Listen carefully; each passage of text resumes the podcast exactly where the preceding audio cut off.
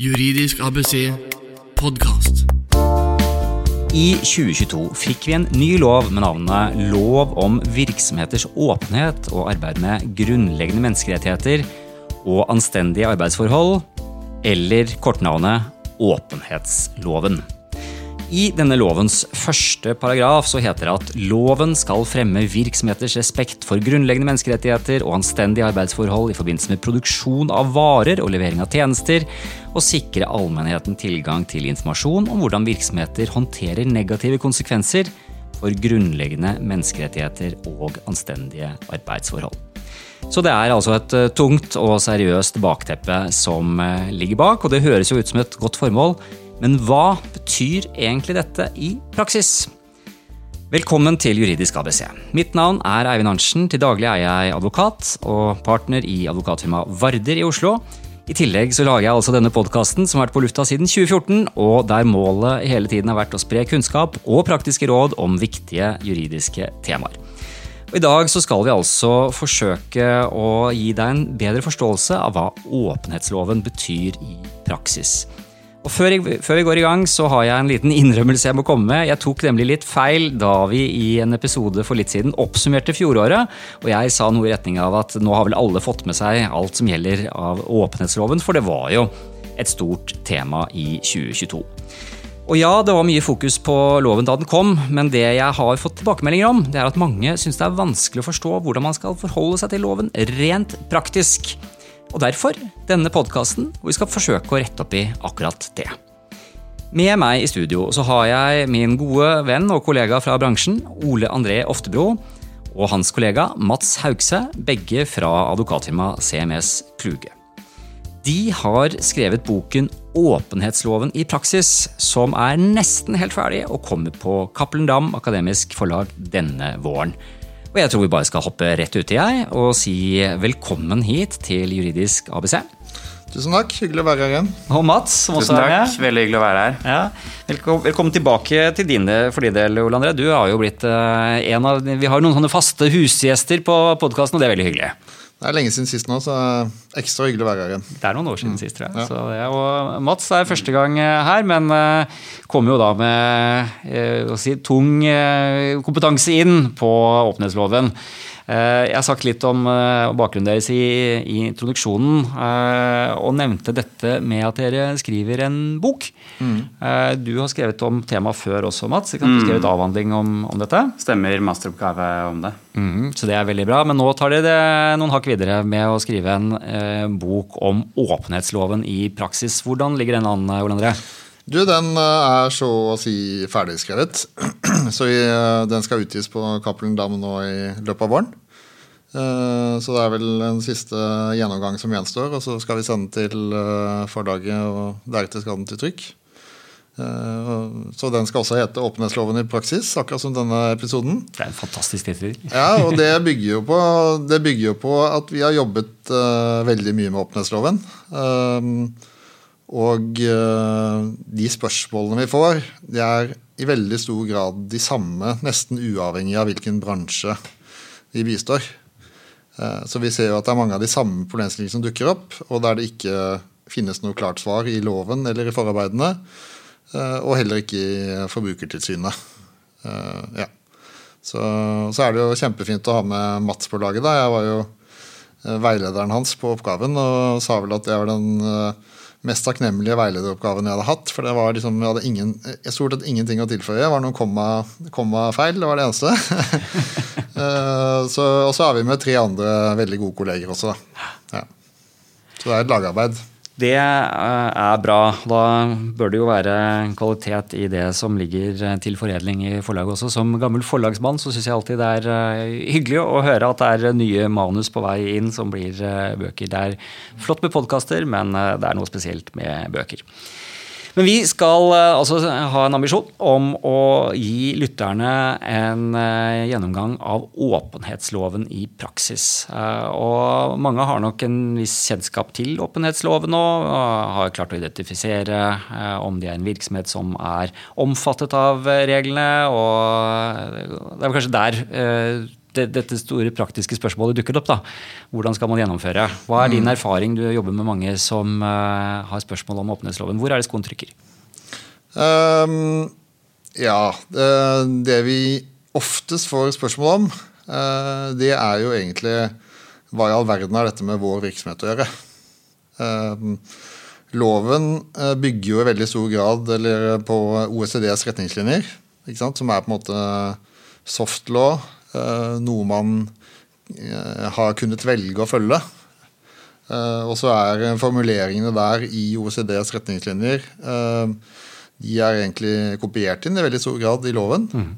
Sånn at man har en situasjon der på en måte soft law er made hard law. Og det reiser jo en del problemstillinger, og det gjør ikke minst at loven er veldig sånn som vi forstår da, veldig vanskelig å forstå. Eller det vi ser fra, på bakgrunn fra våre uh, tilbakemeldinger fra kundene våre, er at den er vanskelig å forstå. Hva er det vi egentlig skal gjøre? Hvordan skal vi komme lurer på det første da, OECD, hva, hva står det for? Eh, Det står for eh, The Organization for Economic Cooperation and Development. Organisasjonen for økonomisk eh, samarbeid og utvikling på norsk. Ja, riktig. Mm. Men hva har OECD med Norge å gjøre sånn sett? Hvorfor, må vi, eh, eller hvorfor har vi importert eh, eh, rammeverket fra OECD? Nei, Norge er jo med i OECD, med i denne organisasjonen. Eh, og vi har jo tilsluttet oss egentlig disse eh, retningslinjene for flernasjonale selskaper allerede fra 70-tallet av. Eh, og så er det vel egentlig først de siste 10-15-20 årene eh, dette har blitt ordentlig aktualisert. Man fikk et eh, nasjonalt kontaktpunkt for næringslivet i 2000 eh, som har behandlet klagesaker etter disse retningslinjene. Så, og så har man fått FNs veiledende prinsipper eh, for næringslivet, som eh, kom i 2011. Eh, og da ble også eh, OECDs retningslinjer harmonisert med FNs eh, veiledende prinsipper. Eh, og det er denne strukturen og denne, dette innholdet som ligger til grunn for de kravene vi ser i åpenhetsloven i dag. Nettopp. Veldig bra. Altså, eh, du er jo et oppslagsverk, Mats. Dette er helt fantastisk. Eh, men Her lærer jo masse. Men eh, ok, så dette er jo da internasjonale forpliktelser som vi har gjennom det internasjonale samarbeidet vi er en del av, og som vi da er forpliktet til å, eh, og skal gjennomføre gjennom åpenhetsloven. Er det riktig? Det er riktig, og dette er jo en del av en, en trend, en internasjonal trend. Mm. Det som kanskje var, eller som nok var utløsende for, eh, eh, for lovarbeidet i Norge, var jo denne Plaza Rana-ulykken i, eh, i 2013, var det ikke det? I Bangladesh. Eh, Hva skjedde da? Nei, altså dette var jo en uh, åtteetasjers eh, bygning. Eh, I første etasje så var det noe næringsvirksomhet, bank og, mm, bank og butikker. Eh, og så i etasjen over så satt det da tusenvis av arbeidere og eh, produserte tekstiler for eh, store internasjonale selskaper. Um, og så oppdaget de jo eh, sprekkdannelser og sig i underetasjene. Sånn at eh, butikkene som var der og banken som var der, de flyttet ut. Mens arbeiderne de ble beordret tilbake og skulle fortsette å jobbe eh, under veldig kummerlige forhold. Og så raste da hele Kollapset hele bygningen. Og det var vel eh, nærmere 3000 som ble skadet, og alvorlig skadet. Og, og i overkant av 1100 som omkom. Mm. og da fikk man jo øynene opp for at eh, eh, slik kan vi ikke ha det. Altså det at vi skal ha vi skal ha rask tilgang til mote i Vesten til en billig penge. Det har store kostnader. Eh, når det gjelder grunnleggende menneskerettigheter og også arbeidsforholdene til disse, disse arbeiderne. Og det var på en måte eh, var nok et startskudd for en kampanje eh, i mange vestlige land, også i Norge, eh, der det var interesseorganisasjoner som etter hvert krevde at dette måtte, her måtte norsk næringsliv ansvarliggjøres for de produktene og tjenestene de leverer i Norge. Men det synes jeg er veldig fint å få fram, fordi man kan jo tenke da kanskje at uh, åpenhetsloven at det handler litt om politisk korrekthet og den type ting, men det har en hard realitet. Altså, klærne vi bruker og alle de varene som vi importerer, uh, de har en, en opprinnelse og en historikk. Mm. og det at man har en en nytt sett med normer for hvordan dette blir til, det tenker jeg jo det er kjempeviktig. Det er kjempeviktig. og så Overordnet sett så er det jo veldig positivt at eh, næringslivet også må ansvarliggjøres for de eh, innkjøpene de gjør. ikke sant? Eh, og de varene og tjenestene som de leverer i det norske markedet. Ja. Men fra Rana Plaza så har det vel vært en prosess i Norge også for å få dette på plass. Mm. Det, det, er jo ikke sånn at en, en, lov kommer ut av ingenting. Kan du si litt kort om tilblivelsesprosessen? Ja, det kan jeg gjøre. Jeg, altså, jeg var vel i 2018 at, at det var vel da Solberg-regjeringen som nedsatte dette etikkinformasjonsutvalget.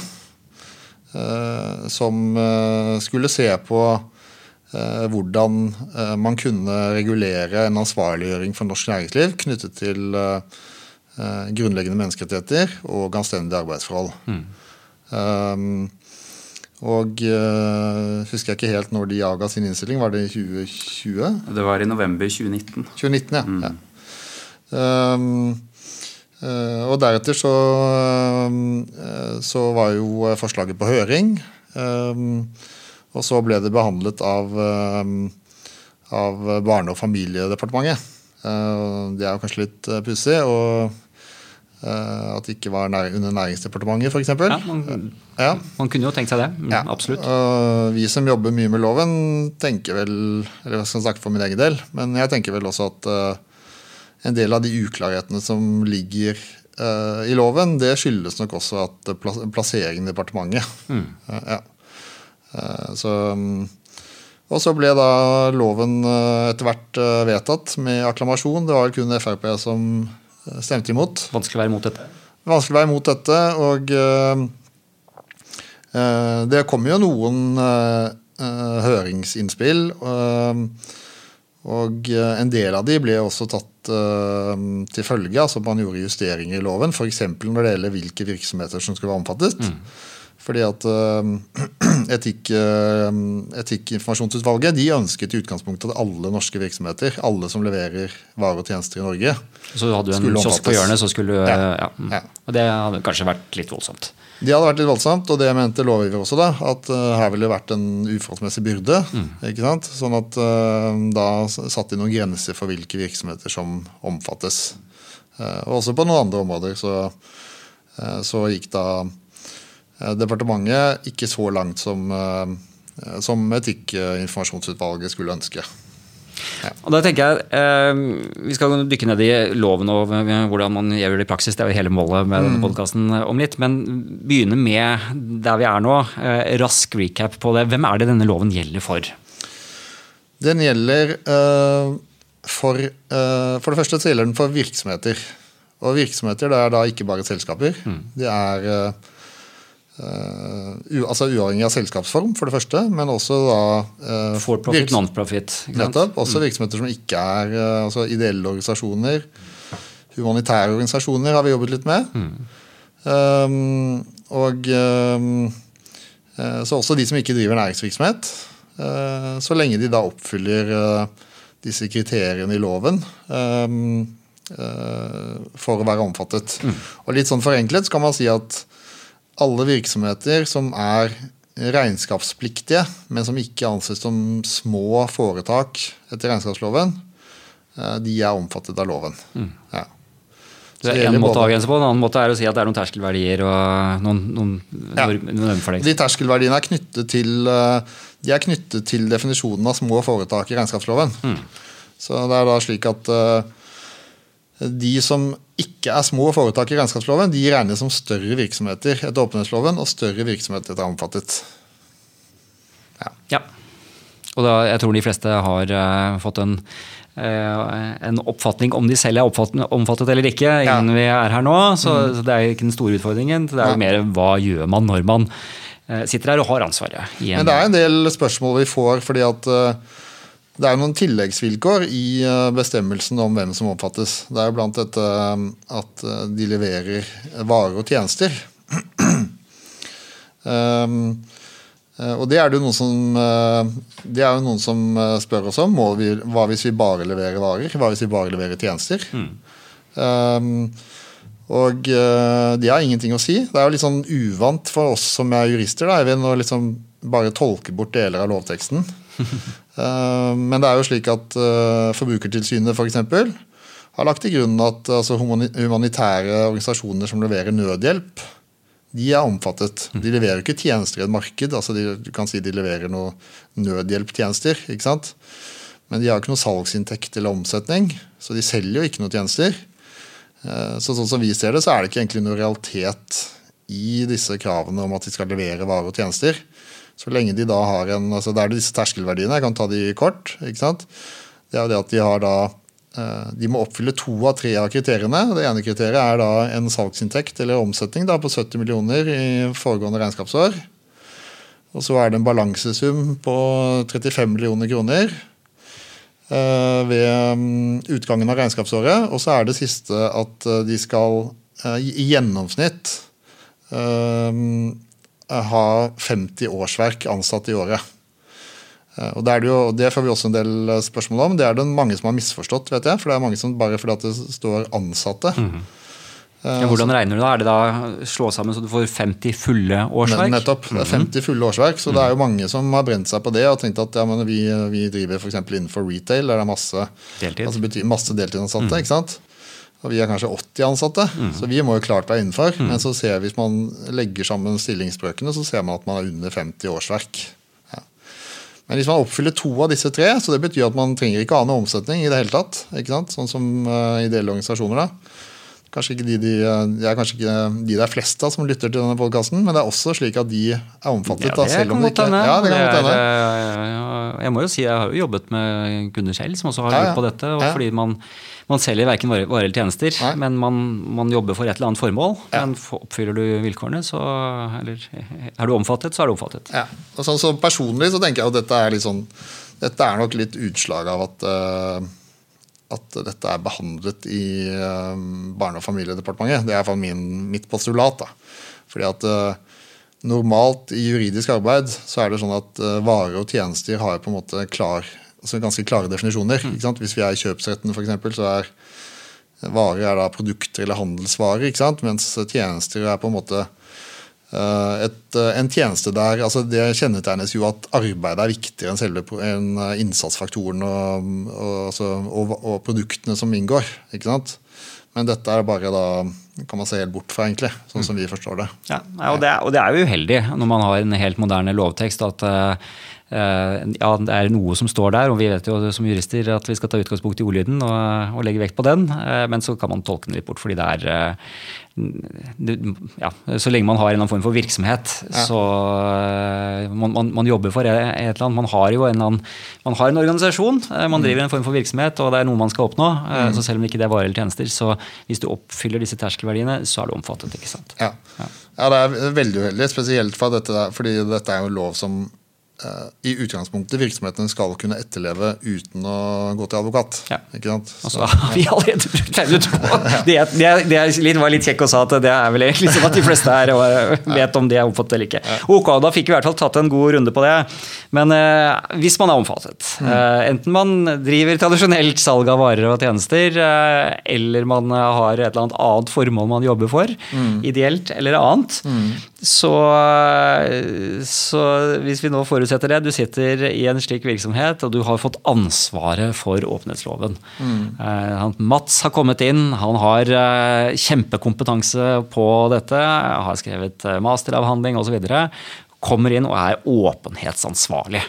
Og så er spørsmålet hvordan tar man teorien og gjør dette om til praksis? Hvor er det vi, hvor er det vi begynner hen? Eh, nei, det, det, er jo et godt spørsmål, og jeg tror man kan egentlig med fordel følge litt den kronologien som følger av loven. Ja.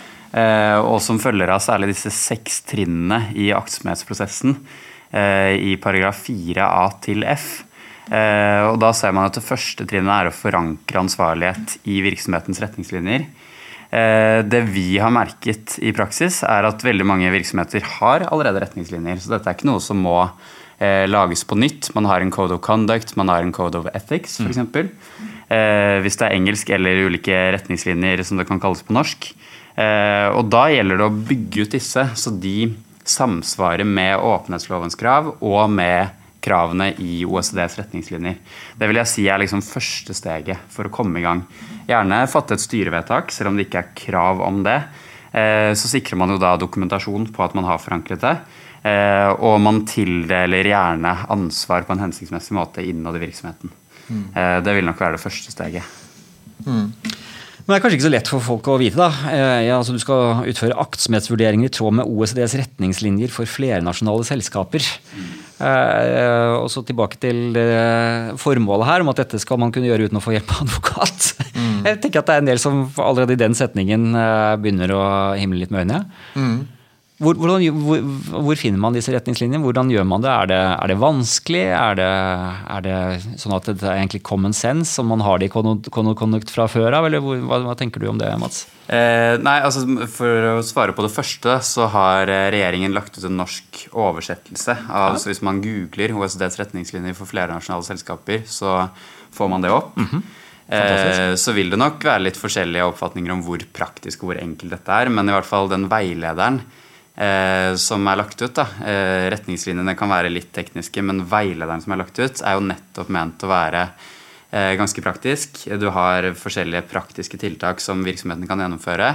Og på slutten så har du en sånn Q&A, altså sånn vanlige spørsmål og svar, eh, som kan gi veiledning eh, for virksomhetene. Mm. og så det OSD også har, som er aktuelt for mange virksomheter, er eh, ulike sektorveiledere eh, for eh, sektorer man har anslått at er særlig utsatt for risiko.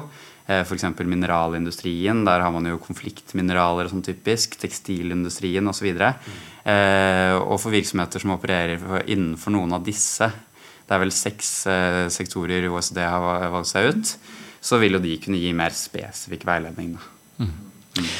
Vi jobber mye med arbeidsrett, eh, Ole André, og da er det jo sånn at uh, i praksis så er det jo strengere krav til en stor virksomhet enn en liten virksomhet. F.eks. på sykefraværsoppfølging. Eh, så stillingsvernet er jo også sånn sett relativt, og pliktene for arbeidsgivere er relativt. Og Det er stilles strengere krav til en administrerende direktør enn det er en som uh, akkurat har fått seg jobb og jobber på gulvet. Kanskje med unntak av i prøvetiden, man skal ikke være teknisk på det. Poenget mitt er at det er mange av disse reglene de ser, altså Ordlyden er den samme i i reglene, men så er det relativt opp mot hva slags virksomhet det er. Men her høres det ut som om det er en relativitet i forhold til kravene eh, som går også på bransje. Jeg vil tro det også handler om størrelsen på virksomheten.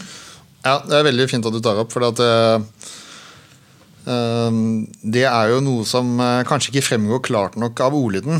eh, men for vi som leser forarbeidene og også er kjent med OECDs retningslinjer, så er det sånn at det som, det som er veldig sterke prinsipper som, måte, som man må ha i bakhodet her, det er jo dette for det første prinsippet om forholdsmessighet og det som vi kaller risikobasert tilnærming. Eh, Og Et av utslagene der er jo f.eks. at en det stilles strengere krav til aktsomhetsvurderinger og, og redegjørelse i et stort selskap, internasjonalt selskap, enn i et eh, mindre selskap som akkurat er innenfor grenseverdiene. Ikke sant? Og så er det også slik at hvis det f.eks. Uh, hvis det f.eks. Uh, og da så ta et annet, annet, eksempel. at uh, Hvis en innsatsfaktor er helt marginal i det du leverer, ikke sant? så kreves det Så stilles eh, mildere krav til både aktsomhetsvurderinger og redegjørelse. Og så er det noe unntak fra det, og det er hvis disse innsatsfaktorene hvis det knytter seg kjente, alvorlige risikoer til, eh, til disse innsatsfaktorene, så vil jo altså ut fra en sånn risikobasert tilnærming, så vet man f.eks. at hvis dette er eh, altså hvis det er snakk, det er snakk om eh, batterier eller eh, konfliktmineraler, ikke sant? Kobolt og sånt. Ja, eller man har eh, komponenter som er, eh, som er produsert i, på en måte, i høyrisikoområder, så vil det utløse strengere aktsomhetsplikt. Men det er veldig viktig for virksomheter altså Vi får en del sånne spørsmål om eh, ja, men vi, vi pleier å kjøpe kaker der og der, ikke sant? ved jubileum f.eks. Og dette er liksom, eller vi kjøper, eh, vi kjøper penner. ikke sant? Altså vi, vi driver konsulentvirksomhet. eh, Og så, penner, så kjøper vi penner, og vi vet ikke hvor de er produsert. og hva som er. Og det er også klart at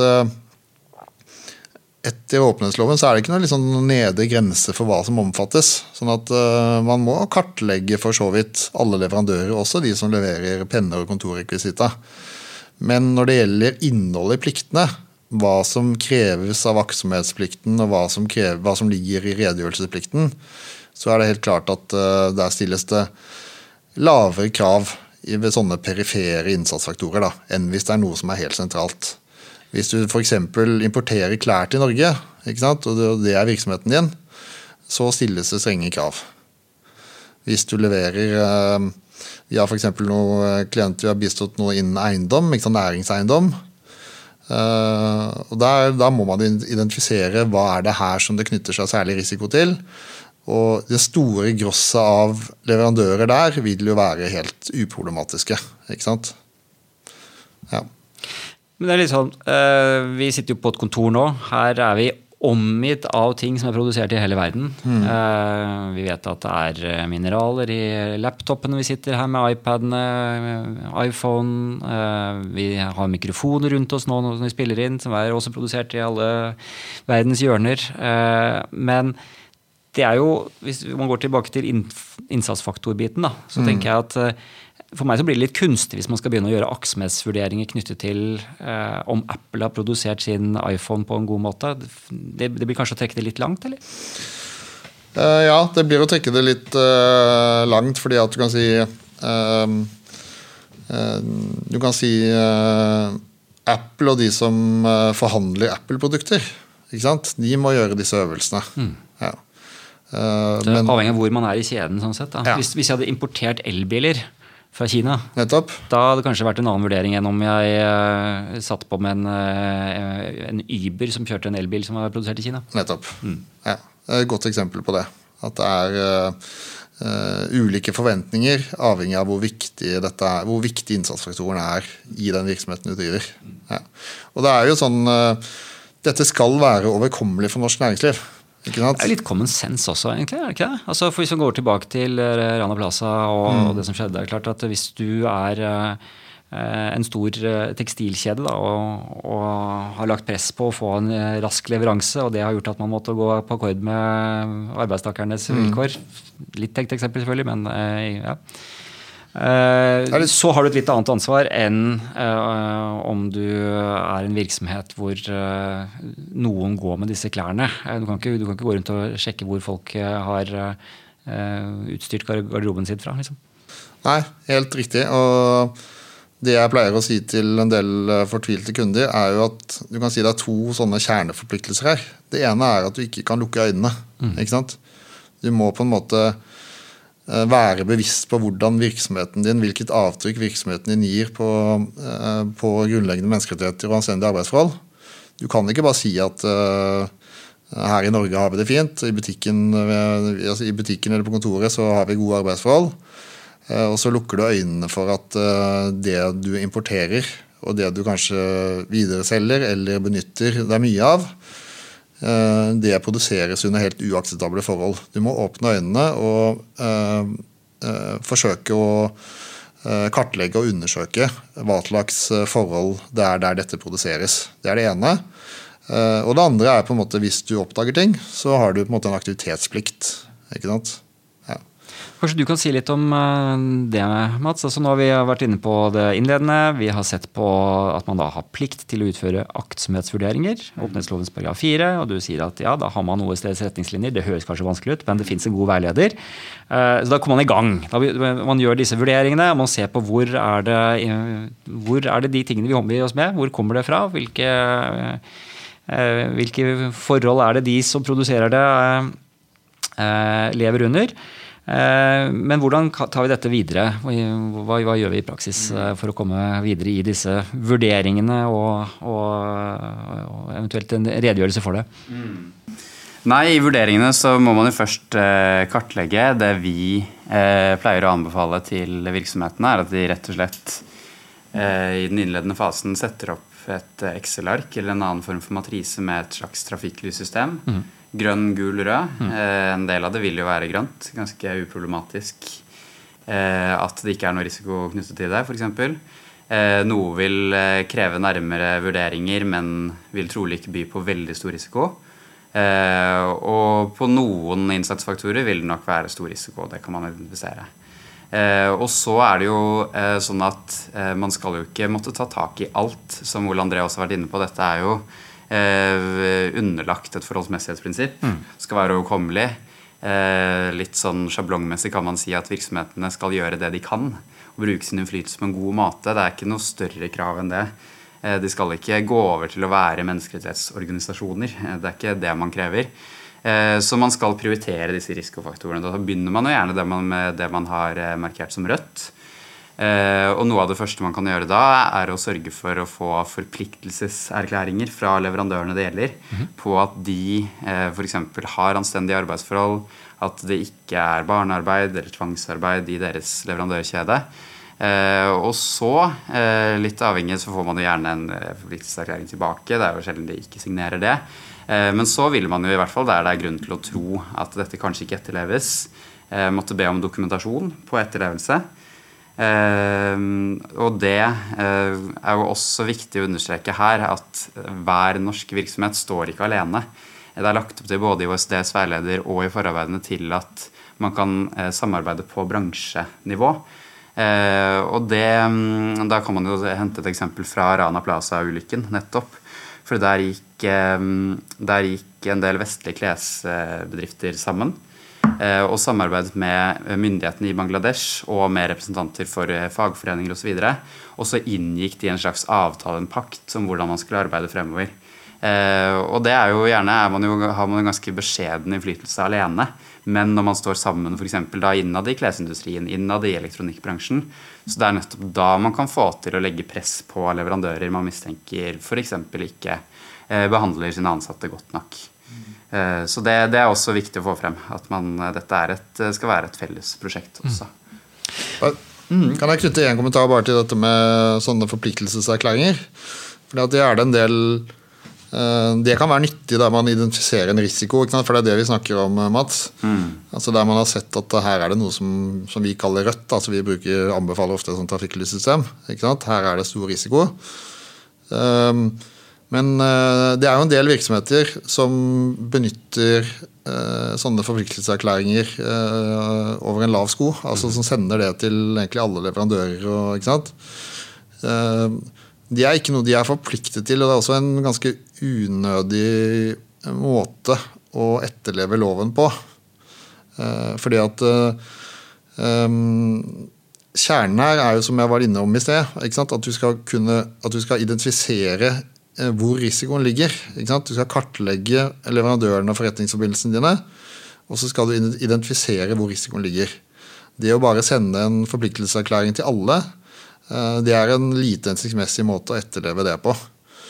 Um, og Dessuten så krever det jo mye papirarbeid og sånn. Uh, så det som vi også ser, som er mer praktisk i uh, Mer praktisk, egentlig, det er jo det at virksomheter, mange virksomheter har jo utarbeidet sånn code of uh, conduct eller code of ethics, eller, altså, eller krav til um, krav til etterlevelse av grunnleggende menneskerettigheter og anstendige arbeidsforhold uh, når man inngår avtaler med leverandører.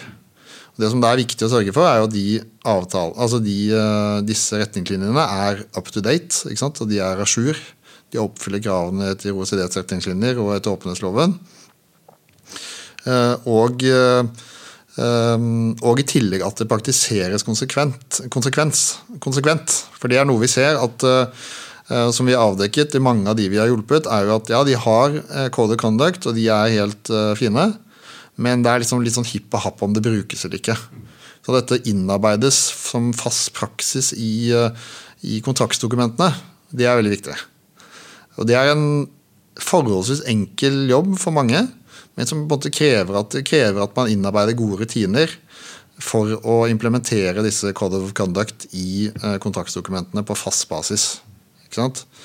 Det er en bedre måte å gjøre det på enn å sende, sende ut uh, forpliktelseserklæringer til, eh, til Gud og hvermann. Eh, Jeg syns jo denne tilnærmingen med å gjøre en vareopptelling, lage et Excel-dokument eller noe annet som er hensiktsmessig, trafikklyssystem, enkelt og oversiktlig, eh, det er en veldig god eh, tilnærming. tenker jeg. Eh, men det minner meg jo også veldig om en øvelse man gjorde på et litt annet område for et par år tilbake. Men også dette med at man kanskje hadde visse rutiner. Jeg tenker på personopplysninger. Mm. Med GDPR så var det jo akkurat den samme øvelsen man måtte gjøre. egentlig. Man måtte ha en vareopptelling. Hvor er det vi lagrer alle personopplysningene og dataene? Hvilke sikkerhetsrutiner og så videre er det vi har? Man, hadde jo, man skulle jo ha databehandleravtaler også tidligere. ikke sant? Eh, men så, på samme måte som mange har hatt eh, etiske retningslinjer, krav til leverandører osv. Men så er dette en god anledning til, eh, og som du sier, veldig god påminnelse der, det, altså det med å, gå gjennom mm. det man har av conduct og annet som kanskje ble laget for 10-15 år siden. Mm. Oppdatere det, sørge for at det er da, compliant i forhold til nye krav. Eh, og ikke minst eh, systematisk etterlevelse. Det er jo veldig bra du, du trekker fram det. Mm. Det høres jo enkelt ut, og det er jo et godt formål, men eh, hva, hva, er, hva er suksessfaktorene for å faktisk få det til å fungere? Um, nei, Jeg tror du er inne på noe når du trekker parallellen til GDPR. for jeg tror det, En viktig suksessfaktor er jo å altså Veldig mange virksomheter i dag de rapporterer jo på et eller annet vis. Noen er miljøfyrtårn. Eh, noen er på en måte tilknyttet sånn fair trade, eller altså følger på en måte rapporterer inn via andre eh, eller enten, det, enten det er på klima eller bærekraft. Eh, og det vi anbefaler da, også, så er det en del virksomheter, som for, store virksomheter som forbereder seg på EUs kommende aktsomhetsdirektiv, som, som kanskje Mats kan si litt mer om etterpå. og det som er, det er en suksessfaktor da, er jo på en måte ikke lage et system utenfor de andre systemene. Men å implementere dette um, i de systemene han allerede har bygget opp, og som er under utvikling. For det, det som er helt uh, åpenbart, er at uh, det er en sånn kartlegging og risiko, uh, risikoanalyse som loven fordrer, det er ikke noe man kan gjøre én gang og legge i skuffen. Det skal holdes oppdatert. For det første fordi at risikoen knyttet til de enkelte leverandørene kan endre seg. Altså Det kan være det kan eh, skje ting i landet som gjør at eh, situasjonen blir, altså i produksjonslandet som gjør at situasjonen blir uh, mer uforutsigbart. At det kanskje ikke er like sikkert at de overholder grunnleggende menneskerettigheter. Ikke sant? Du har jo situasjonen i Russland nå, f.eks. Ja, er det noe det siste året har lært oss? Er det ja, ja, ja. en endring? Ja. Eller minnet på? nettopp. Um, men også ved at eh, man kan bli kjent, altså man kan bli kjent med spesifikke forhold. Man kan via, Særlig via sånn informasjonskrav og sånn, som vi kan komme litt tilbake til. Så kan man bli kjent med forhold, Men også selvfølgelig at man bytter leverandører. ikke sant? At det kommer inn nye leverandører. Um, og Da må dette være et levende dokument som oppdateres jevnlig. Og Hvis man skal få til det, så nytter det ikke tenker jeg, å ha et sånn eget, eget regneark som kun gjelder åpenhetsloven. I så fall så må man nesten ha en egen ansatt som sitter og jobber med det. Så det å liksom implementere det i styringssystemene i virksomheten, ikke sant? knytte det til eksisterende rapporteringskrav og, systemer, det tror jeg er veldig viktig. Så Det er, det er en suksessfaktor. Ja. Det, det, jeg hører deg si, er at dette er en eh, del av den samlede compliance-prosessen ja. som man må ha for alle virksomheter. og Det er mange krav som vi uh, har hatt der lenge, og som har, uh, som du sier, uh, dette er jo da også trender hvor ting har blitt mer og mer tydelig, og, mm. og lovkravene blir klarere. Mm. Og så må det jobbes med å få det som en del av arbeidsformen, rett og slett. Det vi ikke har snakket så mye om nå, Eivind, det er jo dette med altså Vi har jo snakket om de virksomhetene som er direkte omfattet. Men jeg vil kanskje anta at den største effekten av denne loven er på de virksomhetene som ikke er omfattet. Mm. Okay. Interessant. Hva tenker du? Fordi at uh, Hvis vi ser på norske virksomheter først, mm. så er det sånn at det er jo veldig mange virksomheter uh, altså Av de som er omfattet, så er det veldig mange av de som handler med virksomheter som ikke er omfattet. Ikke sant? Altså de virksomheter, Mindre virksomheter mm. som ikke er omfattet, de er leverandører til større virksomheter som er omfattet. Og Her ligger det jo nettopp i kravene til etter åpenhetsloven er at man skal Eh, undersøke, kartlegge og undersøke risiko nedover i leverandørkjeden. Og Det betyr at man dytter de pliktene nedover i leverandørkjeden. Man undersøker, man undersøker mm. og forsikrer seg om mm. at denne underleverandøren også sørger for å etterleve kravene i åpenhetsloven. Ikke sant? Så På den måten så vil disse forpliktelsene forplante seg ned i kontraktskjeden, og det er også formålet med loven. Så Det gjelder de norske, norske virksomhetene. Og så er det jo også slik at um, veldig mange virksomheter handler jo fra utlandet. Eh, Og der er det jo virksomheter som ikke er, altså ikke er skattepliktige i Norge, og som ikke er omfattet av loven. Eh, Og Da vil det samme skje der. At man stiller, kravene, stiller krav til at dere, hvis dere skal levere til oss, så må vi forsikre oss om at dere etterlever loven. Hvordan forholder dere til, dere til disse og disse og disse reglene? Hvordan er arbeidsforholdene hos dere? Eh, praktiserer dere lønn å leve av? ikke sant? Eh, hvordan sikres grunnleggende menneskerettigheter hos dere? Og På den måten så vil jo da disse kravene i loven også gjelde for et veldig stort antall virksomheter som ikke er omfattet av loven. Og Derfor så er en del, en del av de henvendelsene vi får, de er jo da fra virksomheter som ikke direkte er omfattet av loven, men som har fått f.eks. For, eh, forpliktelseserklæringer fra større virksomheter. ikke sant? Ja, hva skal vi, vi, har ikke, med, vi har ikke noe med grunnleggende menneskerettigheter å gjøre. Hva skal vi gjøre med dette? Hvordan skal vi dokumentere dette? ikke sant? Eh, Så her eh, dukker det opp en del spørsmål også for virksomheter som ikke er direkte omfattet. Hva er rådet du gir da? Eh, Nei, da må jeg prøve å forklare dem hva som ligger i dette her. da. Ikke sant? Hva som ligger i både grunnleggende menneskerettigheter og anstendige arbeidsforhold. Mm.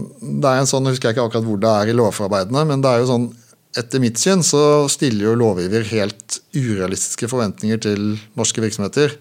Det er uttalt fra departementet et sted i eh, lovforarbeidene at det forventes fortsatt at alle virksomheter, også virksomheter som ikke er omfattet, skal ha kjennskap til eh, OECDs eh, retningslinjer, UNGP, også disse FN-prinsippene, og grunnleggende menneskerettigheter. Og det er klart at For de fleste mindre virksomheter i Norge de er, oppfatt, de er opptatt av eh, de produktene eller tjenestene de leverer. De, de har en idé, de har, altså det er gründervirksomheter, de har startet et eller annet. De har ingen, eh, ingen videre kunnskap verken om menneskerettigheter eller OECD. Um, så jeg tenker jo at her er det på en måte et et avvik. ikke sant? Altså det er en sånn, altså, man, lovgiver har rett og slett eh, for, stiller for store krav til norske virksomheter. Eh, sånn at dette, de, Vår erfaring er at de, de mindre virksomhetene som tar kontakt med oss, de vet ingenting om dette i det hele tatt. De aner ikke hva det betyr.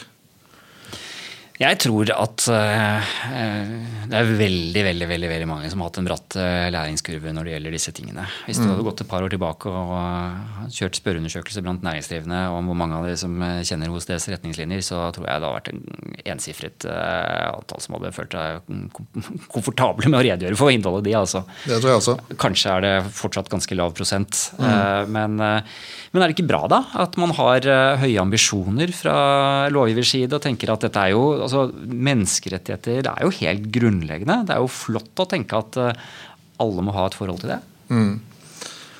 Eh, jo, nå blir det litt sånn personlig eh, synsing her, da. Men, eh, det, men altså det, det, grunnleggende sett så er jo dette kjempebra. Altså ansvarliggjøring av næringsliv. At man ser at, at man får øynene opp for at noen, noen betaler en høy pris for at vi skal ha eh, tilgang til eh, ubegrenset, eh, ubegrensede og billige produkter eh, og innsatsfaktorer fra, fra store deler av verden. De er jo veldig fint. De har jo veldig gode liv fordi vi har importert mye fra Nettopp. land hvor Ja. mange ikke har det så bra som oss. Ja. Ja. Så, um, så grunnleggende sett er det veldig fint. Det jeg personlig er skeptisk til, og som, eh, og som jeg ikke er helt alene om å mene, det er jo at eh, dette, altså det at Norge skulle på en måte ta, eh, gå i bresjen her og innføre en særnorsk lov, eh, parallelt med at eh, EU-kommisjonen jobber med et eh, eh, jobber med, med regler til altså nytt aktsomhetsdirektiv, eh, tenker vel jeg personlig at eh, er unødvendig. Og så syns jeg er jo heller ikke så veldig imponert over uh, verken loven eller lovforarbeidene. Eh, men jeg håper jo at den fungerer. Ikke sant? Altså, det er jo ikke noe tvil om at eh, hvis dette fungerer, så vil det jo kunne bidra til å gjøre verden til et bedre sted. Eh, Men jeg er redd for at det blir en papirtiger, og det er jo særlig med håndhevelsen også av loven å gjøre, som vi kanskje kan komme litt tilbake til. Nå får vi prøve å hjelpe til da, med denne podkasten til at ikke det bare blir en papirtiger. Jeg tenker Ja. at Vi er jo en del godt i gang her. sånn. Jeg tror mange har uh, fått uh, en god del ny lærdom allerede. Nå nevner du noe som er viktig her, sånn, Ole André, og der må jeg innrømme at jeg har vel tenkt litt feil selv også i forhold til åpenhetsloven. Jeg har tenkt at dette er jo dette er jo en del av den trenden vi er uh, en del av, hvor vi importerer mye regler fra Norge. og EU er jo opprinnelsesland for veldig mange av de reglene vi forholder oss til i det daglige på arbeidsrettens område. vet jo at Store deler av arbeidsmiljøloven er jo, mm. er jo importert. Uh, og GDPR har vi snakket om. Og så nevner du aktsomhetsdirektivet. For det er da nye regler som er på vei.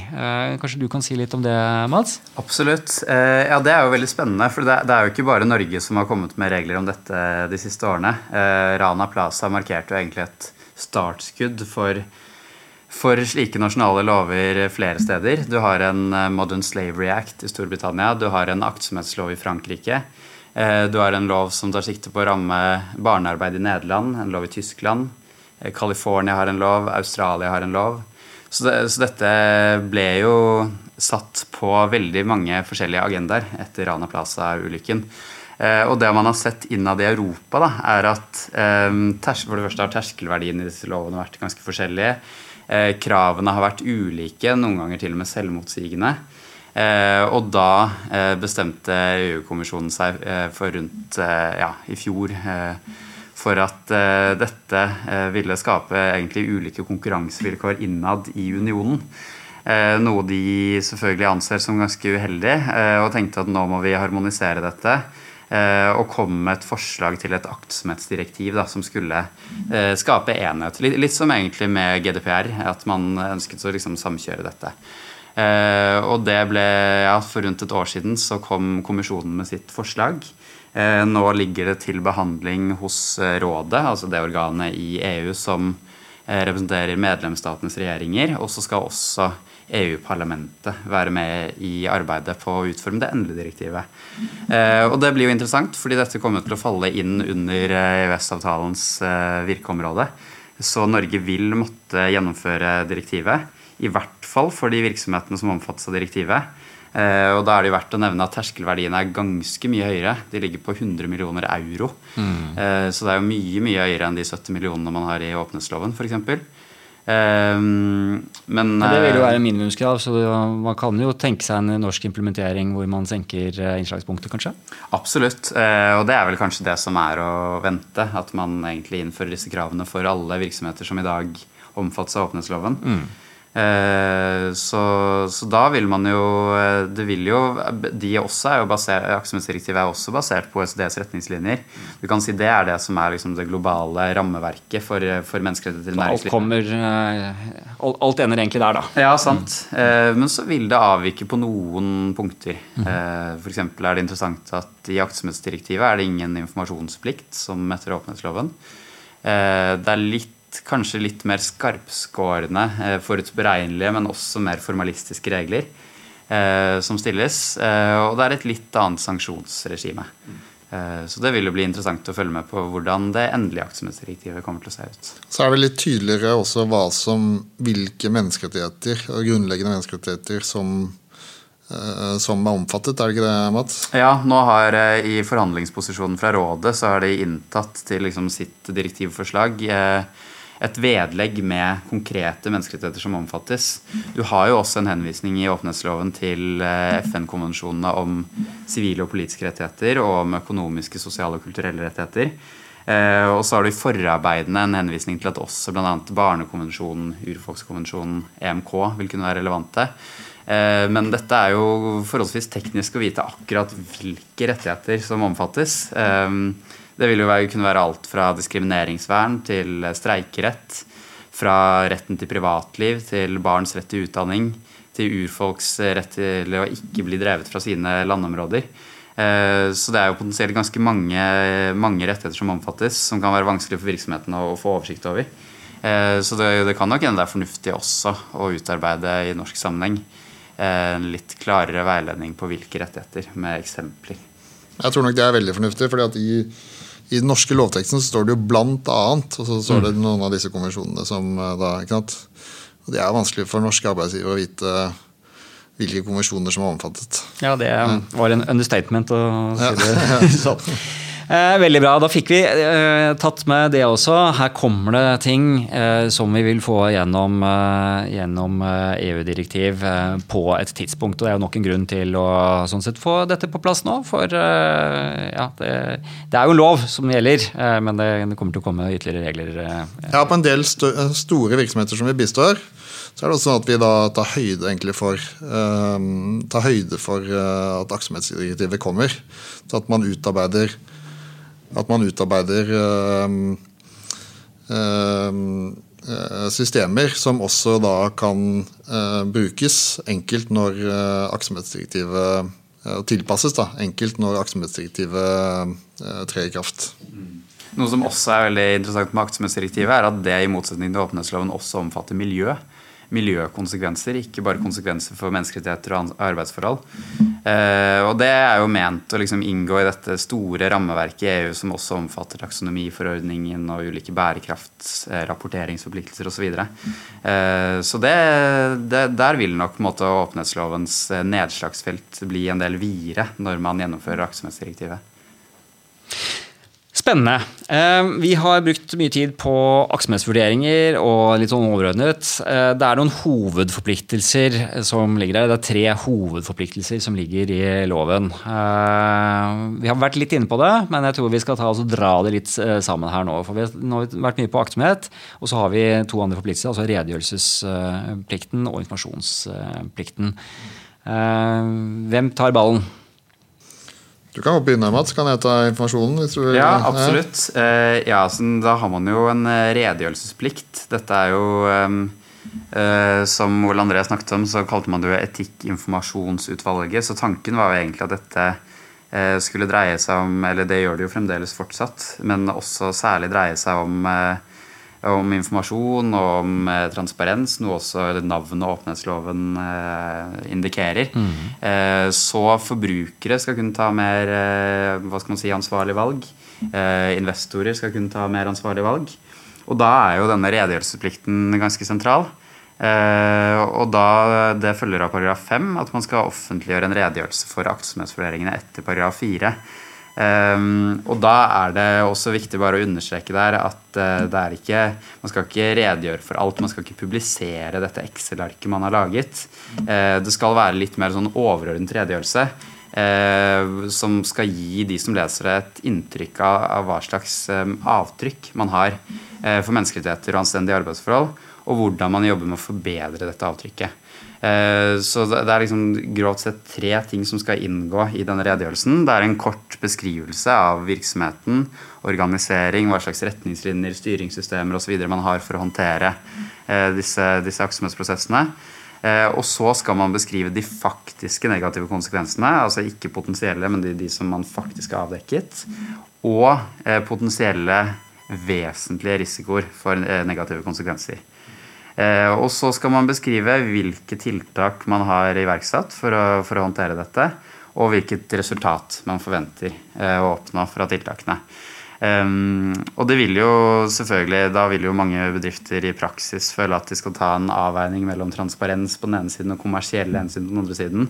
Uh, og det er jo selvfølgelig viktig da å understreke at man selvfølgelig ikke skal publisere um, forretningshemmeligheter eller personsensitive opplysninger og sånn. Det skal bare gi et et overordnet, men også dekkende eh, inntrykk. Man skal sette seg ned og man skal jo lage en beskrivelse. Man, mm. man, altså dette kartleggingsarbeidet som man har gjort, som vi har snakket om, det, det, skal da omsettes i noe som er et dokument, og som mm. blir et offentlig dokument. Selvfølgelig skal man ikke fortelle om sine uh, ingredienser og hemmeligheter og den type ting, men, men mer om de aspekter som er relatert til åpenhetslovens virkeområde, altså menneskerettigheter og, og Dette får vi mye spørsmål om nå. og Grunnen til det er jo at denne redegjørelsesplikten den, den ble jo, altså Ikrafttredelsen den ble jo utsatt, sånn at den trer først i kraft 30.6 i år. Mm. Noen har tolket det slik at loven ikke gjelder ennå. ennå. det er feil. det er feil men det er ganske mange som tror det. Men, men, denne redegjørelsen skal jo da publiseres på, på hjemmesiden til virksomhetene. Mm. ikke sant?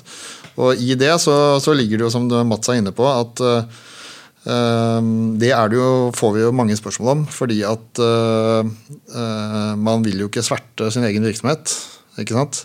Så her gjelder det å finne en avveining Altså på hva som på en måte altså det, det, skal ikke, det, som er viktig, er at dette har en grense mot um, mot reglene for villedende markedsføring. ikke sant? Altså Man kan ikke skrive ting som er feil. Altså man kan, må ikke male et for rosenrødt bilde.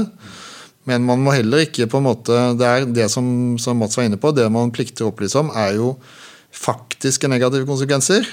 Ikke sant? Um, og vesentlig risiko. Eh, sånn at Der må man finne en avveining på, når det gjelder formuleringene som gjør at, eh, at virksomheten kan leve med det, og at det ikke er egnet til å sverte virksomheten. Jeg bare tenkte på én ting som vi ikke sa i sted, men som henger litt sammen med dette. fordi det vi har opplevd eh, det vi har opplevd at en del kunder gjør, er jo når det gjelder disse kartlegging, kartleggingene og risikovurderingene, og dette trafikklyssystemet vi anbefaler å bruke, da, som i hvert fall er en enkel måte å gjøre det på, så er det en del som uh, tror at det er en mål at alle er grønne. Altså at det ikke er noe risiko. Mm. Og det er liksom en grunnleggende feil. Det er tvert imot, egentlig. Altså, poenget er å ha øynene åpne og gi en samvittighetsfull vurdering av risiko man uh, ser. Og så da se, så er det ikke all risiko som, er, som nødvendigvis uh, gjør det nødvendig å um, iverksette noen tiltak. Ikke sant? Altså det kan være Altså dette er f.eks. Eh, her er det eh, et eller annet vi importerer eh, som vi ikke har full oversikt over. Da kan det være en risiko knyttet til det, men det er ikke noe sånn spesifikke. Det er ikke snakk om konfliktmineraler, eller det produseres ikke i krigsområder. Altså det er på en måte ikke noe spesielt. Men det at man da er åpen på at her er det en risiko, er ukjent.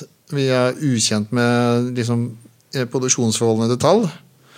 Eh, det er da fornuftig. ikke sant? Altså den, det er bedre å ha en liste som både har gult, eh, gule og røde felt, enn å ha en liste som er helt grønn. Mm. Ja. For da betyr det at man har fokus på det og vil man har, eh, man jobbe? Ser, man, ser, man forholder seg til realitetene. Ja. ikke sant? Og det er jo egentlig det som loven ønsker, legger opp til at man skal gjøre. Mm. Det var veldig bra du sa det. Eh, så da er jo det også noe man må ta med inn i dette arbeidet med redegjørelsen, da, kanskje. Og så må man finne en ja, velvalgt ord for hvordan dette skal gjøres. Man skal balansere mellom åpenhet, som jo ligger i lovens mm. tittel. Mm. Ærlighet, som du sier, i forhold til markedsføringsbestemmelsene. Og det er jo det er jo mm. nært opp mot tilsynet som skal håndtere dette også. Mm. Og så må man jo tenke totalt sett hva er det som er en, en en riktig måte å redegjøre for dette Og Det var en ting som du nevnte veldig kort, men som, eh, som er jo en liksom praktisk viktig del her. sånn, eh, For alt det skal jo også publiseres mm. på nettsidene. Det står mm. rett ut i loven. Det skal ja. legges ut på nettsidene. Det er ikke mm. ofte man ser det. I, eh, første gang jeg har sett det i en norsk lov, i hvert fall. Ja. Ja. Uh, Eh, jobber du mye med disse redegjørelsene nå? Er det mange som eh, sitter her og lurer på hva de skal eh, Ja, vi skrive? jobber en del med det. Og så har vi sagt at uh, vi kan ikke skrive redegjørelsen for virksomheten. Uh, men vi kan jo uh, Altså i de tilfellene der vi har jobbet liksom, i dybden og gått gjennom code of conduct, gått gjennom på en måte risikoanalysene knyttet til leverandørkjeden, Eh, så har vi jo et eh, godt utgangspunkt for å vurdere om redegjørelsen er tilstrekkelig. Mm. ikke sant? Eh, så det, Vi har fått ganske mye, mange redegjørelser til gjennomsyn. ikke sant? Og hjulpet til med formuleringer og sånn. For at de skal være tilstrekkelig dekkende, ikke være for byntet, men samtidig at de er egnet for å publisere. ikke sant? Altså det, uten, at, uten at man skjemmes at det står der. For å ta det enkle, hvor, hvor, omfattende pleier disse redegjørelsene å være? Er det 100 sider? Er det én side? Hvordan gjør man det? Det er veldig forskjellig. Altså, vi har jobbet, med, har med, altså, vi har jobbet for, uh, for, uh, for, innenfor shipping. Vi har jobbet med uh, mye med elektronikkbransje. Vi har jobbet med retail. hva annet har vi jobbet med, Mats? mye, så mye etter hvert at jeg ja, bygg og anlegg. Bygg og anlegg ja. Ja, nei, ja, mm. Så det er masse forskjellig. Og da er det jo veldig Sånn som på elektronikk, for eksempel. Da, da øh, kreves det ganske omfattende redegjørelser. Eh, fordi at det er slik at i, i, bare i en av de eh, tekniske duppedittene vi har på bordet her nå, så består det kanskje av hundre eller tusenvis av komponenter som er, som er, produsert på ulike områder. ikke sant? Og en del av det, det kan være konflikt, sånne konfliktmineraler. Det kan være ting som produseres i svært belastende områder. ikke sant? Der det er kjente risiko både for utnyttelse av arbeidere og brudd på grunnleggende menneskerettigheter. Så det er veldig avhengig av eh, type virksomhet.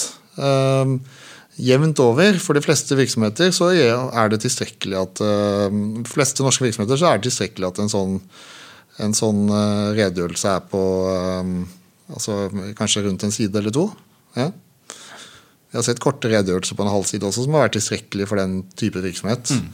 Der er det et viktig poeng at dersom man ønsker mer informasjon, så kan man jo også benytte seg av informasjonsretten som forbruker eller som, eh, som, andre som ønsker mer informasjon. Så det det er jo meningen at den eh, opplysningsplikten etter paragraf 6 skal gå i mange tilfeller lenger enn selve redegjørelsesplikten etter paragraf 5. Mm. Bra. Eh, jeg syns noen ganger det er greit å ta litt sånn oppsummering vi, hva vi har lært. Om, så kan dere sjekke om jeg har uh, fått med meg noe her også. Men uh, vi har også det første steget er aktsomhetsvurderinger opp mot å se på menneskerettighetene der hvor tingene kommer fra, for å si det sånn. og se det opp mot OECDs retningslinjer. Gjerne veilederen, sånn som det var veldig bra du veiledet oss på der, sånn, Mats. Så er vi på dette med å redegjøre, og da skrive en form for redegjørelse. Den må man legge litt arbeid i. Den må selvfølgelig bygge på aktsomhetsvurderingene. Uh, men, uh, og den må være ærlig, den må være åpen, men man må også tenke litt opp mot forretningshemmeligheter og annet, så man må, man må jobbe litt med den. Mm. Men den skal publiseres og skal legges ut. og kan jo jo hende at hvis man er et stort selskap, at det er noen journalister og andre også som har interesse for det. I hvert fall publikum da, eh, generelt vil kunne ha en interesse for det. Og jeg antar at det må være relativt lett å finne på nettsiden også. Du kan ikke eh, gjemme den bort på en eh, langt nede i en menystruktur hvor den ikke er indeksert. Den må være, være tilgjengelig. Ja, da er du inne, Kan jeg stoppe deg litt? Ja. For Da er du inne på noe veldig viktig. for at det er fornuftig av virksomheter å legge litt flid i aktsomhetsvurderingene. Og det er heller ikke noe mål å gjøre det kortest mulig. Fordi at det du risikerer da, er jo at du får unødig stort antall informasjonskrav. Ja. Uh, og det som uh, lovforarbeidene legger opp til, er jo at hvis man får informasjonskrav som kan besvares gjennom å henvise til, til, unnskyld, til uh, redegjørelsen som ligger på hjemmesiden, eller for så vidt andre rapporter eller noe som også er tilgjengelig publisert på hjemmesiden, så kan man gjøre det. Da kan du si at dette finner du svar på i, i redegjørelsen som ligger her, eller dette finner du svar på i disse eh, rapportene om hvordan vi håndterer konfliktmineraler som du finner her. Ikke sant? Så i motsetning til GDPR, hvor man kan risikere å få henvendelser med innsyn og den type ting som kan være ganske omfattende å svare ut, mm. så vil man her ved å legge litt arbeid i eh, redegjørelsen, så kan man egentlig svare ganske lett på det. Ja. Neste forpliktelsen som vi skal snakke om, nemlig mm. informasjons... Nettopp. Ja. Dette er jo to sider av samme sak. Det er jo på en måte det ene er på en måte en, altså Redegjørelsesplikten er på en måte en, altså en aktiv uh, informasjonsplikt. Mm. Du skal gå ut med informasjon. Og så er det da neste skritt nå dette den passive informasjonsplikten. Altså at du plikter å besvare henvendelser når du kommer inn. Ja, og da er vi eh, på eh, neste, neste bestemmelse i loven, er vi ikke det, Mats? Absolutt. Det er paragraf 6 om retten til informasjon. Og den er jo særlig interessant fordi den er ganske særnorsk, egentlig. Man har ikke noe tilsvarende i andre lover i verden. Um, og den er basert litt på miljøinformasjonsloven. Som kom, uh, som kom noen år tidligere. Uh, som egentlig ga en tilsvarende informasjonsrett på miljøinformasjon. Det man har sett, er at miljøinformasjonsloven er svært lite benyttet. Den er f.eks. svært lite kjent blant norske journalister. Så man trodde jo at den kom til å bli et litt sånn gjennombrudd på miljøfronten. Eh, det ble den ikke, så man har jo fra lovgivers side håpet at åpenhetsloven skal bli mer kjent, og at flere eh, informasjonsforespørsler skal bli rettet mot virksomhetene. Eh, og som Ole André var inne på, så du, er det ikke noe krav om å avgi en redegjørelse før 30.6. Men man risikerer jo å få eh, informasjonsforespørsler allerede nå. Mm. Eh, mange virksomheter har fått allerede. Um, så det er nok uh, akkurat nå det virksomhetene merker mest til av åpenhetsloven. Mm. Uh, og det er jo også viktig å få frem der at uh, de kan få informasjonskrav fra enhver, som det står i loven. Så det kan være alt fra forbrukere til investorer. Men det vi tror det nok eh, kommer til å komme flest forespørsler fra, er jo media, journalister og interesseorganisasjoner, typisk. Men her har jeg allerede fått noen spørsmål, fordi at uh, det er jo noen som opplever uh, for det første uh, informasjonsanvendelser som de mistenker kommer fra konkurrenter. Mm -hmm. og så er det en del som får anonyme informasjonsanvendelser. og så er det en del som får informasjonsanvendelser fra kranglete kunder som de er i konflikt med. Og da er det dessverre slik at uansett så må du svare. Du kan si du kan Det er litt upresist, men du kan, ikke, du kan ikke, la være å svare på noe det, med, med, bakgrunn i hvem som, hvem som krever informasjon. For det står enhver i loven. Enhver, og Det fremgår klart av lovforarbeidene også at uh, det skal tolkes bokstavelig. Så Uansett om du vet at motivet er uh, en konkurrent som egentlig bare vil plage deg eller vil ja, prøve å flytte ut informasjon, så må du svare. Så Det som fremgår av, eh, som fremgår av uh, lovforarbeidene, er jo at det er på en måte innholdet informasjonskravet som eventuelt kan gi grunnlag for å avvise uh, informasjonskravet. Da. Mm. Ja. Ok, men vi sitter med bestemmelsen her, og da er det også enhver kan uh, kreve å få informasjon. Det er det vi akkurat har snakket om.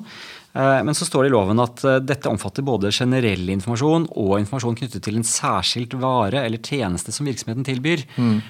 Hvis man da har en generell redegjørelse, så er det kanskje ikke nok å bare vise det igjen. Hvis noen sier at jeg vil ha informasjon om den elbilen du importerer, da, f.eks. Mm. Hvis man tar det som et enkelt eksempel. Ja, Hvis du bruker det som eksempel, så er, det, er du nok på det andre kriteriet. At det er knyttet til en særskilt vare som, eh, som virksomheten tilbyr. Mm. ikke sant? Mm. Eh, de generelle henvendelsene er mer på hvordan, eh, hvordan følger dere opp leverandørene deres, f.eks. Og det å da kunne ha, det å da kunne ha gode redegjørelser tilgjengelig det vil jo gjøre det mye lettere å besvare den type generelle henvendelser. Ja. Men så kan det jo komme, og det er også forutsatt i forarbeidene, at det kan komme uh, informasjonshenvendelser som uh, man ikke kan svare på, fordi man ikke altså, altså man ser at uh, ja, her er det kanskje her har kanskje vedkommende et poeng. Dette er kanskje noe vi burde undersøke. altså Man blir klar over en risiko som man ikke har identifisert allerede.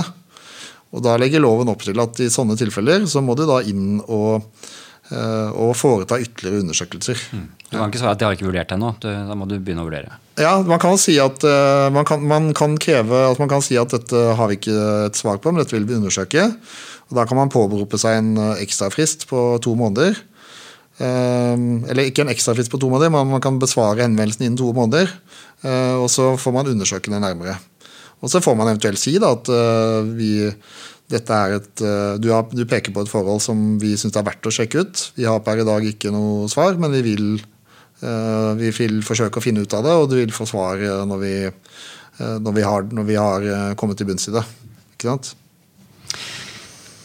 Mange problemstillinger som dukker opp her. sånn, og Jeg har også forstått fast at enhver kan stille spørsmål. Men, men, er det noen situasjoner hvor man kan si at det, dette vil vi ikke svare på, eller dette kan vi ikke svare på? Du var inne på at man kanskje ikke har informasjon om det, men er det noen andre, andre grunnlag øh, hvor man kan avslå dette informasjonskravet? Ja, det er jo det, og dette kan jo Mats mye om, men det kan jeg si, begynne med å si mens du øh, tenker litt, Mats. Det er jo at øh, det er jo kun det er jo kun eh, Man må kun besvare henvendelser knyttet til pliktene i loven. Um, og der vet jeg at du Mats, du sitter jo med en sak nå. Du kanskje si litt om uh, den? Ja, ja, det er jo interessant. F.eks. Ja, den virksomheten vi rådgir der, da, som har fått en, en forespørsel om eh, lengden på kontraktene til deres ansatte i Norge. Eh, hvor mange som jobber deltid osv. Um, og man kan jo selvfølgelig tenke seg at det vil falle under uanstendige arbeidsforhold hvis det er helt uforsvarlig kort, eller man ikke får tilstrekkelig opplæring, eller uh, man ellers ikke får nok hvile eller fritid. Um, men i seg selv kontraktslengde uh, vil jo reguleres typisk av andre rettsregler enn det åpenhetsloven regulerer. Og det vil ikke nødvendigvis da være snakk om grunnleggende menneskerettigheter og anstendige arbeidsforhold. Så i en del tilfeller vil nok virksomheter eh, oppleve at det stilles, eh, stilles, spørsmål om ting som rett og slett ikke faller inn under lovens virke, virkeområde. Mm. Og da må man kunne svare nettopp det. Dette gjelder ikke grunnleggende menneskerettigheter og anstendige arbeidsforhold. Eh, vi viser til andre regler. Og så har man jo også fire unntak i loven. Det første er der det ikke er tydelig hva kravet gjelder. Man, man, skjønner rett og slett ikke hva det spørres om. Men da er det også viktig at det står i forarbeidene at bare fordi det, si det er åpenbart at det er en forbruker som har stilt det spørsmålet, som ikke har den faglige innsikten til å formulere seg helt presist, så skal ikke virksomheten av den grunn kunne nekte. Men det er klart, vet man ikke hva det gjelder, så er det jo også vanskelig å gi et godt svar. Samme hvis kravet er åpenbart urimelig. Ehm, det er sånne rene sjikanekrav f.eks., eller ekstremt byrdefulle eh, henvendelser som krever eh, uforholdsmessig mye ressurser fra virksomheten for å svare. Eh, da kan man nekte det. Ehm, og så er det selvfølgelig personopplysninger. Det er jo selvfølgelig ikke noe eh, ikke noe krav at man bryter personvernregelverket for å besvare sånne informasjonskrav. Og samme med forretningshemmeligheter og andre kommersielt sensitive forhold. Eh, det trenger man heller ikke å gi informasjon om. Men så må man også få fram på de siste punktene at hvis man kan besvare deler av spørsmålet, f.eks. gi en del informasjon, og så eh, sladde eh, aktuelle deler som gjelder personopplysninger eller eh, tekniske hemmeligheter, så må man svare. Man kan ikke da nekte å, å gi noe informasjon i det hele tatt. Det som er litt sånn viktig å si til dette, for det får en del praktiske spørsmål om informasjonsplikten. Og det som er viktig her, er jo at virksomheter etablerer en form for system som sørger for at man fanger opp informasjonskrav. Ehm, det var sånn at ehm, Etikkinformasjonsutvalget de foreslo egentlig at man skulle kunne man skulle kunne gi, altså fremme informasjonskrav eh, helt muntlig, uten noe som helst formkrav. Men i loven så er det slik at det skal fremmes skriftlig. Og Det er lagt til grunn i forarbeidene at uh, virksomhetene i stor grad skal kunne kanalisere de informasjonskravene på en måte som gjør det overkommelig for virksomheten. I praksis så vil det være typisk at man har en, enten en egen, e, egen dedikert uh, e-postadresse som ligger på, uh, på hjemmesiden, eller et nettskjema. Uh, man, man sier, Hvis man da får henvendelser i sosiale medier eller andre steder? Altså, hvordan, hvordan, håndterer dere dette? Så er det kurant i de aller fleste tilfellene så er det kurant da å si at uh, du, denne henvendelsen må du fremme via nettskjema eller via denne e-postadressen. ikke sant? Og Så må man da sørge for at de, noen leser de e-postene, fordi at det er en svarfrist her på tre uker. Uh, så det må man liksom sørge for at noen har det ansvaret. Det er mange ting å passe på her. Vi har i hvert fall fått sett på hovedforpliktelser eh, og tatt opp mange både spennende, praktiske og kanskje også noen litt teoretiske problemstillinger. Men eh, det tenker jeg det er rom for. Vi skal ta sånn mot slutten her sånn og få dratt dette litt sammen med fokus på det praktiske. Eh, nå er det blitt straks vår 2023. Det nærmer seg fristen 30.6. Eh, dere sitter og jobber med kunder som svetter litt, kanskje, og har mye som skal på plass. Hvis eh, man hører på denne podkasten og har en selverkjennelse av at eh, det kanskje er noen ting man bør komme i gang med mm. Vi har vært inne på noe av det, men litt sånn oppsummeringsvis mot slutten. Hvor begynner man, hva gjør man, hva, man, hva er det som virkelig haster nå, og hvordan lykkes man? Mm. Hvis man ikke har kommet i gang i det hele tatt, Eh, så er det man må begynne med, det er jo på en måte kartlegge leverandører og forretningsforbindelser. Og lage et eller annet system for det, og gjerne benytte et system man allerede har. som vi har vært inne på. Ikke sant? At man bygger ut et allerede uh, velfungerende rapporteringssystem til også å innebære, inne, omfatte uh, vurderinger etter åpenhetsloven. Uh, det er jo første skritt. Ehm, og så må man jo da foreta uh, samvittighetsfulle aktsomhetsvurderinger. Vurdere om det er noe man må undersøke nærmere. Uh, og så må man sørge for at uh, man har enten code of conduct eller lignende retningslinjer som man implementerer i kontraktsmalene sine, og som man benytter konsekvent. at det ikke er slik at man, For det er veldig mange som da Eh, har en litt sånn slepphendt eh, holdning til det. altså Typisk at man i større kontrakter ja, så har man det med. Men i mindre kontrakter så er det liksom hipp, hipp som happ om det er med eller ikke. Så at man sørger for at dette skal alltid være en del av eh, kontraktsgrunnlaget når man eh, kontraherer med leverandører.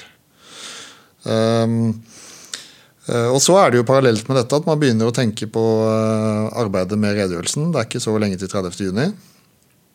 Eh, og at eh, ikke minst det som haster enda mer, er jo å etablere dette systemet for håndtering av informasjonskrav.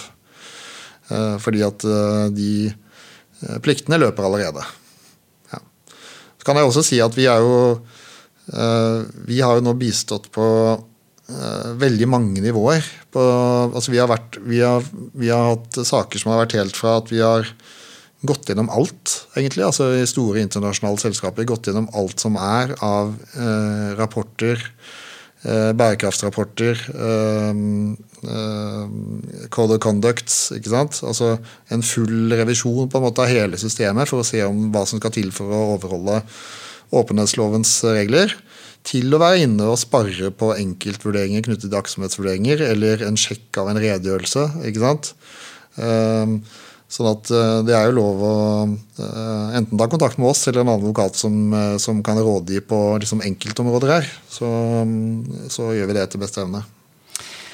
Det tenker jeg er, det er veldig bra du sier det, Ole André. Og vil jo anbefale alle å ta en Du, du tar sikkert telefonen hvis man ringer, og i hvert fall hvis det er eh, et uh, mulig oppdrag der sånn. Uh, generelle henvendelser er kanskje ikke så ettertraktet, men, men, hvis det er et oppdrag, så er det nok lurt å ta en, en, en liten dialog med hvordan det tenker. Ja, det trenger ikke å være så store spørsmål. Det er egentlig det jeg prøver å si. For ofte så er det liksom, det, i stedet for å nå har vi vært borti så mange ulike praktiske problemer, sånn at uh, en, uh, en, det kan være bare en liten avsjekk. Hvordan skal vi gjøre dette? Ja. Mm. Det var litt liten sånn uh, personlig bit. Jeg, jeg, får nesten daglig spørsmål. Noen som ringer og bare har et kort spørsmål. det er veldig hyggelig å snakke med folk, men, men vi driver som advokater også.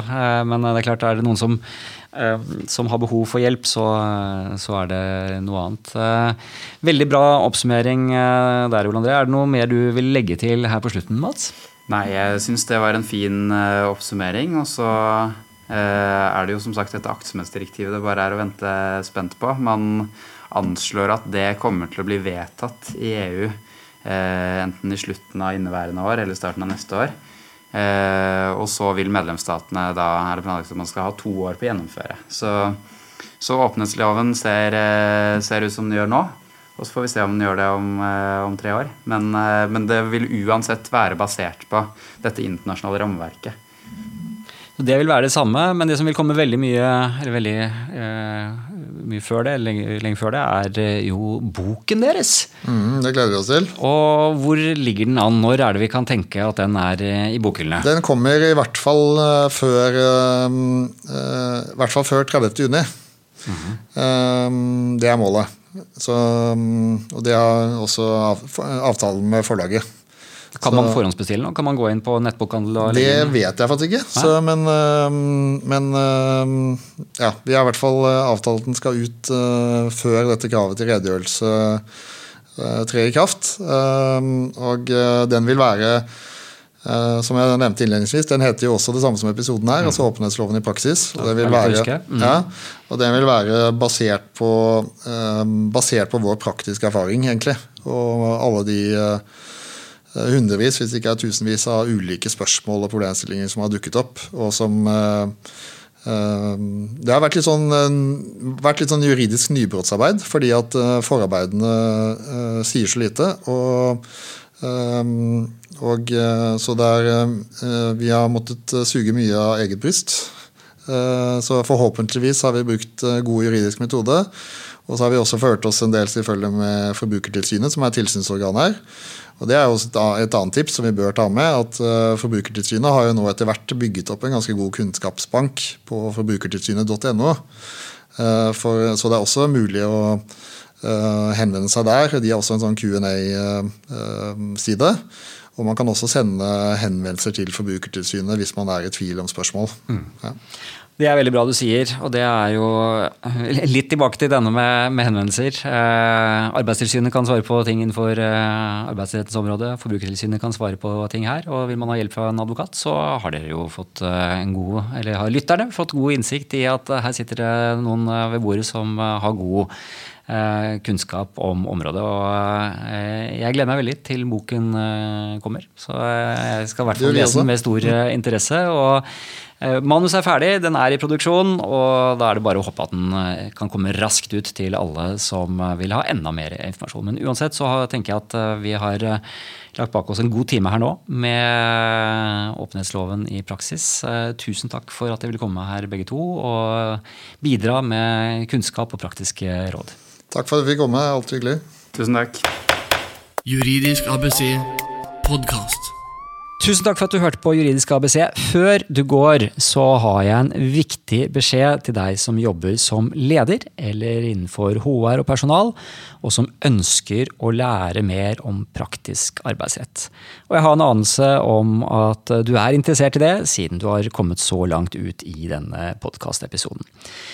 Det har seg nemlig slik at eh, jeg har jobbet eh, i lang tid og mange hundre timer med å lage et komplett digitalt lederutviklingsprogram som får sin første offentlige lansering nå i mars 2023. Navnet er Arbeidsrettsakademiet, og det bygger på et eh, kursopplegg som jeg gjennomførte i 2022 for over 200 ledere fra mange forskjellige offentlige og private virksomheter. Og da var det en serie med live webinarer. Så har jeg jobbet med dette innholdet. Jeg har foredlet det, jeg har revidert det, jeg har oppdatert det. Og satt det sammen til et komplett system som nå er nesten helt klart til å lanseres. Eh, tanken med dette er rett og slett at Arbeidsrettsakademiet skal gi deg for det første klarhet og oversikt over hvilke temaer som du må få kontroll på i din virksomhet. Da har jeg laget et eh, enkelt verktøy som hjelper deg med den prosessen, sånn at du ser hva er det du skal fokusere på. Så er det selvfølgelig kunnskap. Og jeg har laget en lang rekke, jeg vet ikke hvor mange, det er eh, mange, mange, mange, mange videoer som hver av de er på typisk mellom 10 og 20 minutter. Uh, og samlet gir deg en si, reise gjennom arbeidsretten fra ansettelse til avslutning av arbeidsforhold, arbeidsmiljø, varsling, alle disse temaene som man må kunne noe om. Sykefravær, oppfølging av ansatte som ikke presterer. Alt det jeg har sett og erfart at uh, virksomheter møter av praktiske problemer i eh, det praktiske liv når man utøver arbeidsgiverfunksjonen. Så det er jo da kunnskapsbiten.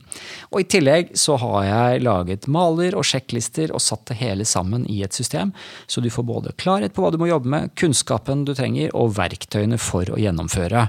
I tillegg så er det litt bonuser med tanke på et verktøy som går på eh, strategisk arbeidsrett, og også eh, en ekstra bonusopplæring innenfor forhandlinger. Jeg mener at dette her er det beste verktøyet som man kan ha som leder. Jeg er utrolig entusiastisk over det, som du sikkert uh, hører. Dette er det jeg selv gjerne skulle hatt da jeg begynte som fersk advokatfullmektig, men nå har jeg heller tatt essensen av alt jeg har lært gjennom årene, og laget et komplett lederutviklingsprogram for dette, som er testet, og hvor de som har vært gjennom det da det gikk live, syns det var fantastisk bra. Nå har det blitt enda bedre, og nå er det klart for stor lansering. Hvis du tenker at dette her er noe som du er interessert i, så kan du gå til arbeidsrettsakademiet.no for å få mer informasjon. Takk for at du hørte på.